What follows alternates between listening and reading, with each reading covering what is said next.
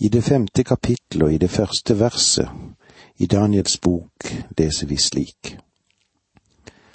Kong Belsesar holdt et stort gjestebud for sine tusen stormenn og satt og drakk vin sammen med dem.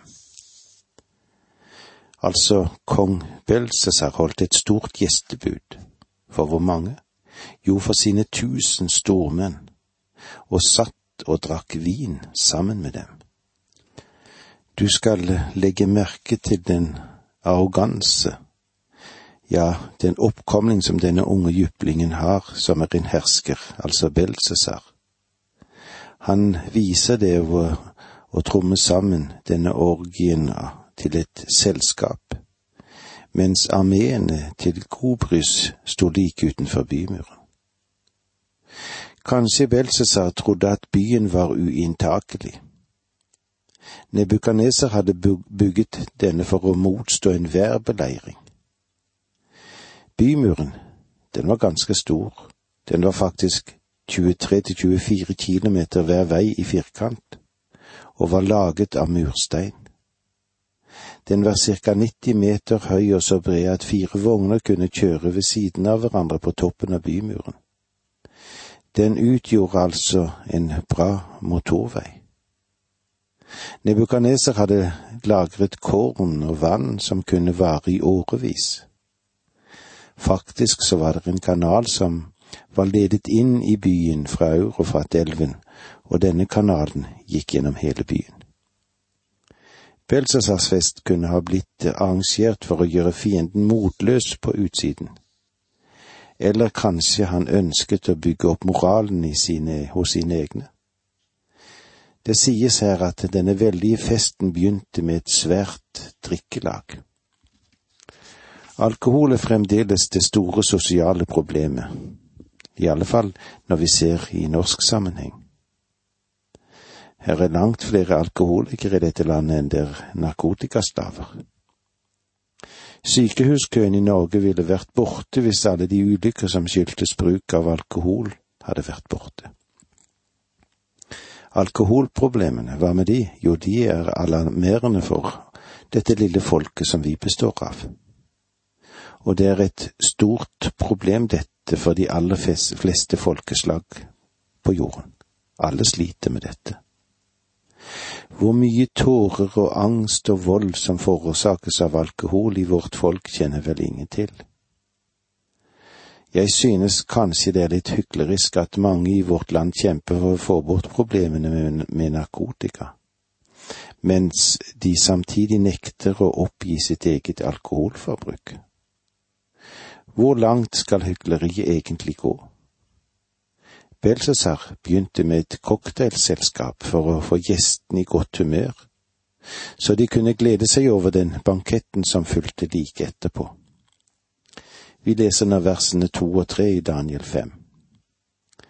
Da vinen begynte å virke på ham, befalte Belsar at de skulle hente karen av gull og sølv som hans far Nebukaneser hadde ført bort fra tempelet i Jerusalem.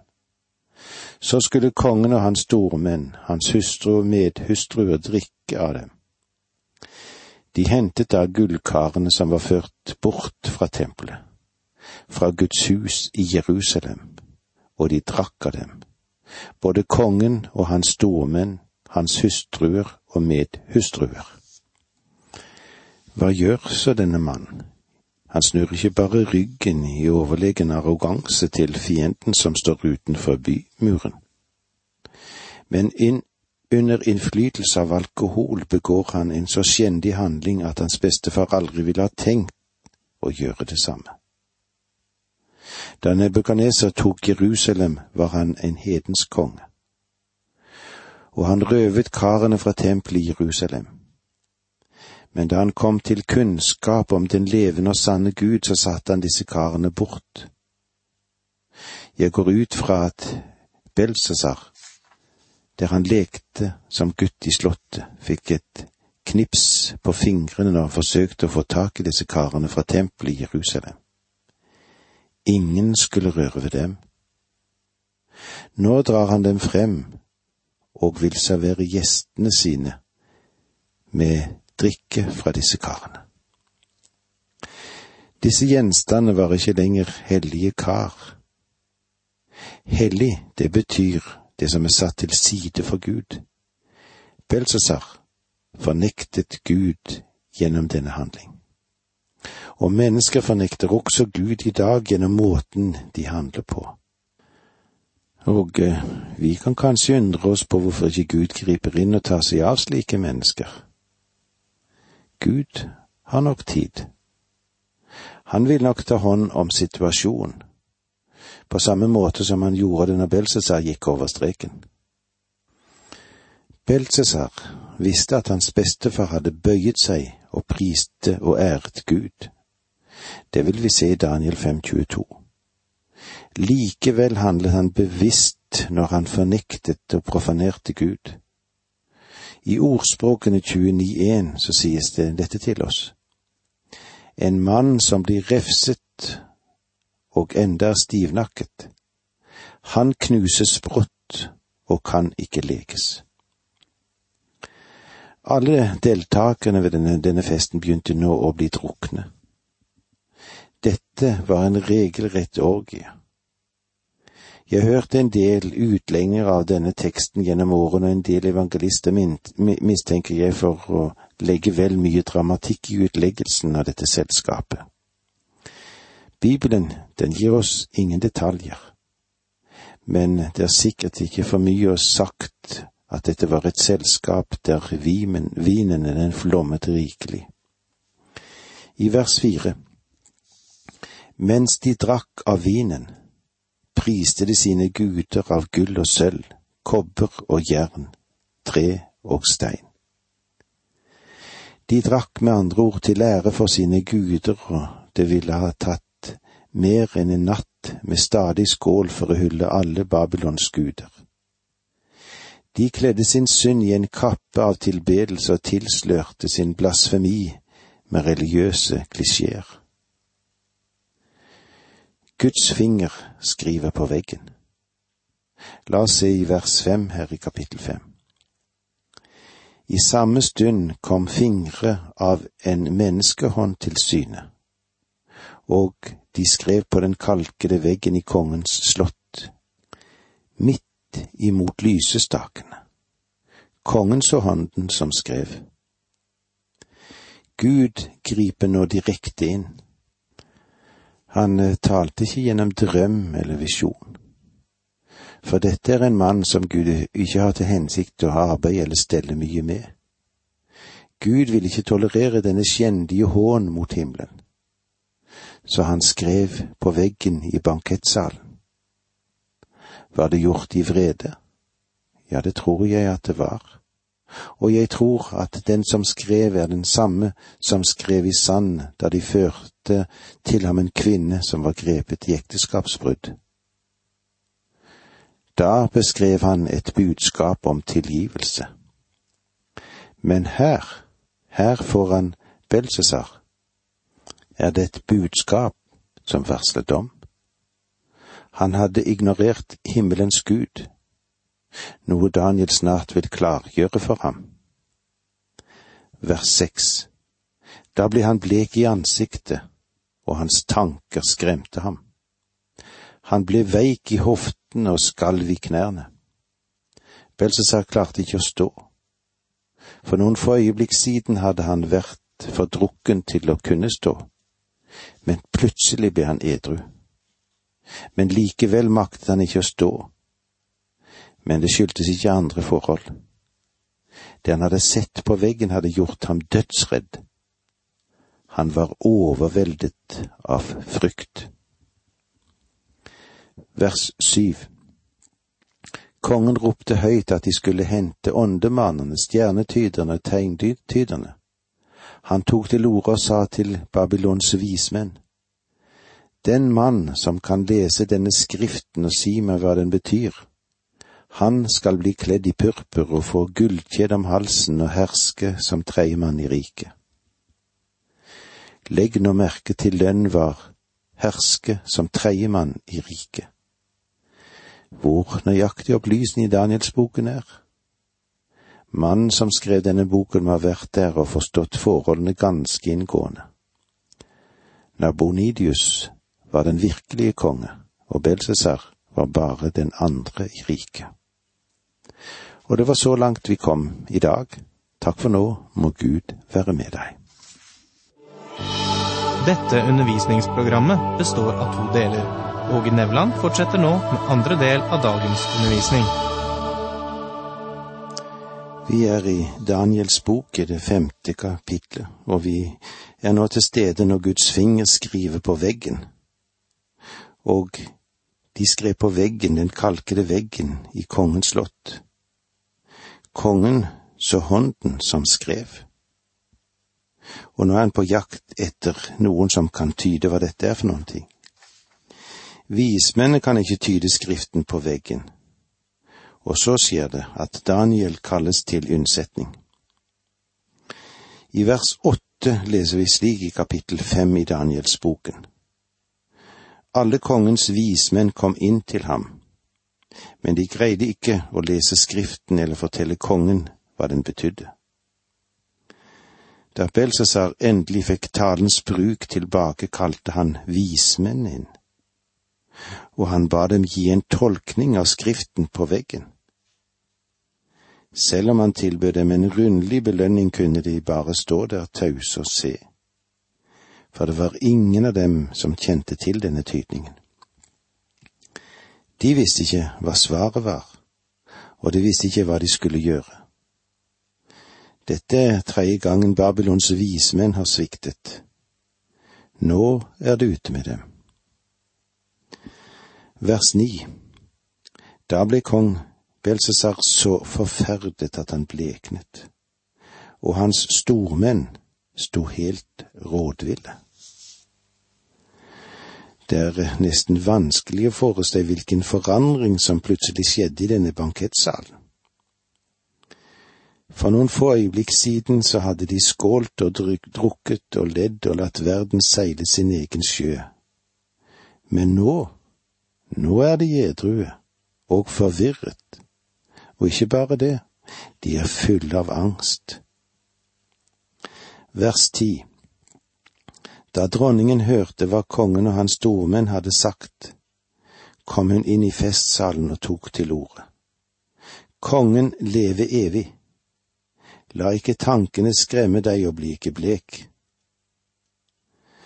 Dronningen som nevnes her, er mest sannsynlig dronningemoren, altså Nebukanesers hustru.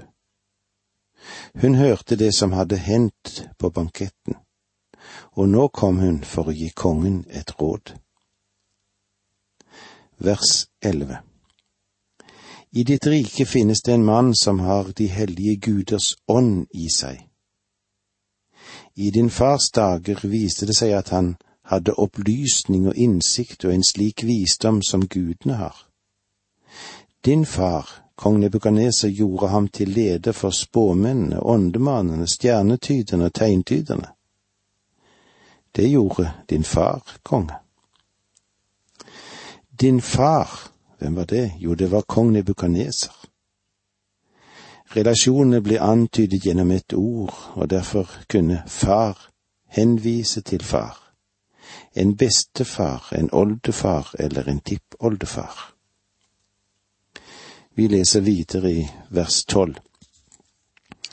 Fordi det hos Daniel, han som kongen ga navnet Beltsesar, fantes en usedvanlig ånd, forstand og innsikt, evne til å tyde drømmer, gjette gåter og løse vanskelige spørsmål. Send og bud på Daniel.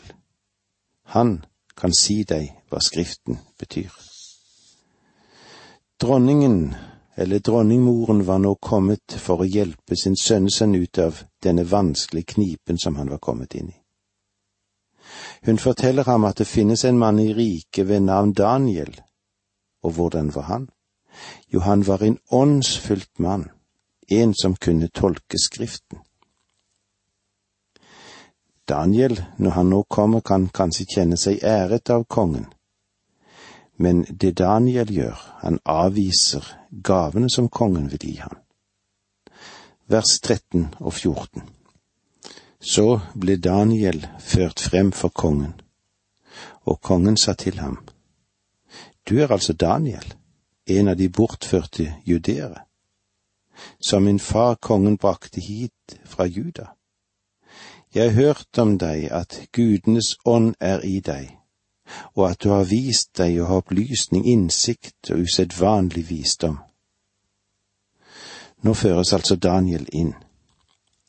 Det virker som om han er blitt avsatt etter at Nebukaneser døde, eller kanskje han hadde latt seg frivillig pensjonere.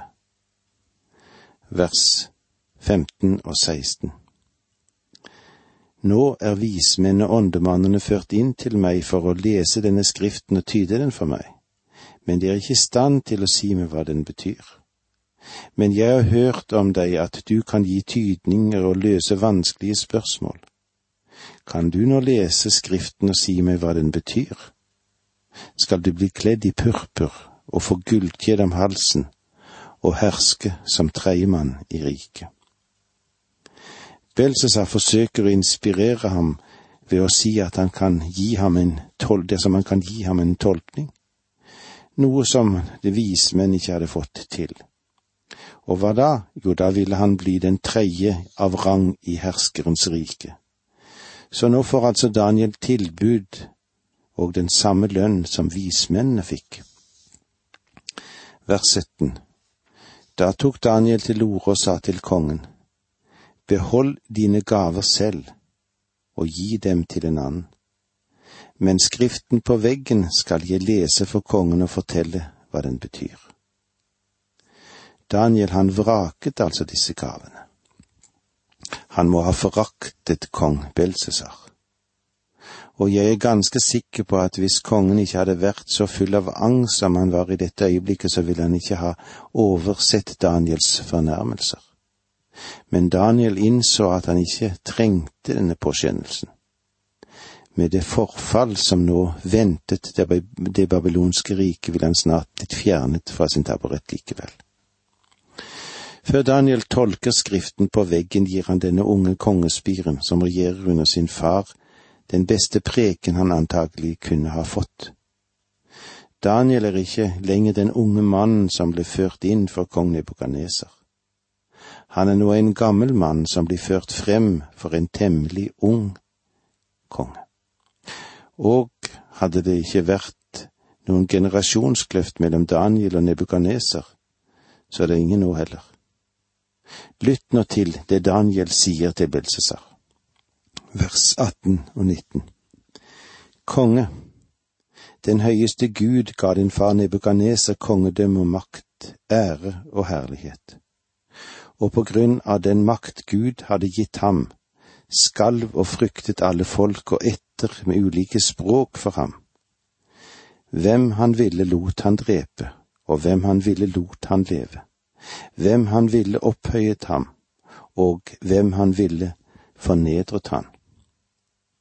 Nebukaneser var en absolutt stor hersker på denne jord, og jeg tror at det har vært få eller ingen herskere lik ham og ingen andre ville dukke opp før Antikrist hersker.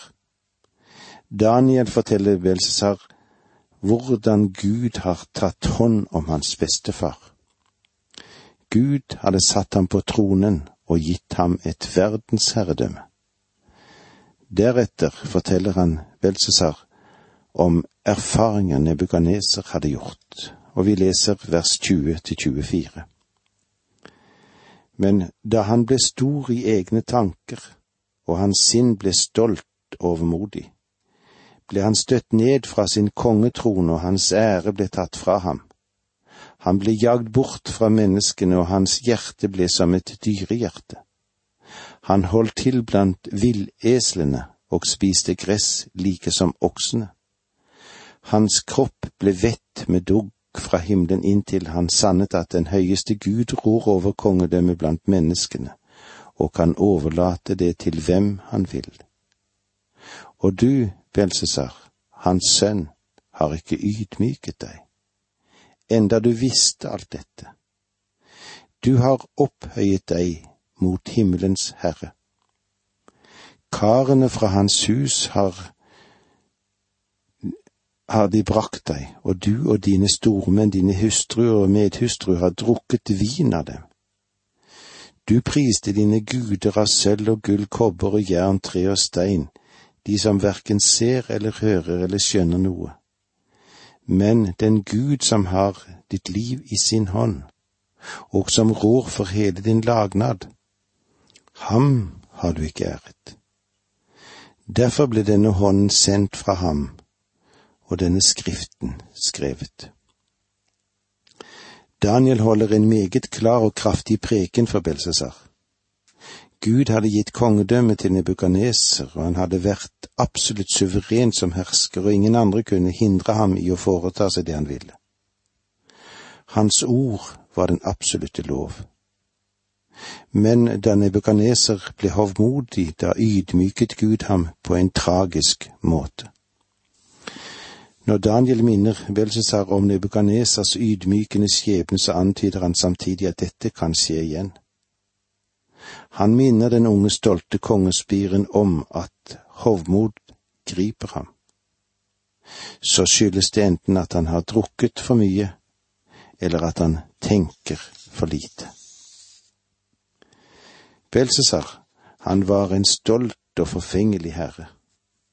Selv om han kjente til sin bestefars skjebne og det vanvidd som hadde grepet ham, så hadde han ikke lært noe av denne forferdelige epoken. I stedet så hadde han profanert og spottet den levende Gud gjennom å bruke karene fra tempelet i Jerusalem til sin fyllefest. Han hadde fornektet den levende og sanne Gud, og ved den profane bruk av det som hadde vært hellig, hadde han spottet Gud og foraktet ham. Selv om han kjente sannheten, så fornektet han den. Og med disse ordene sier vi takk for nå, må Gud være med deg.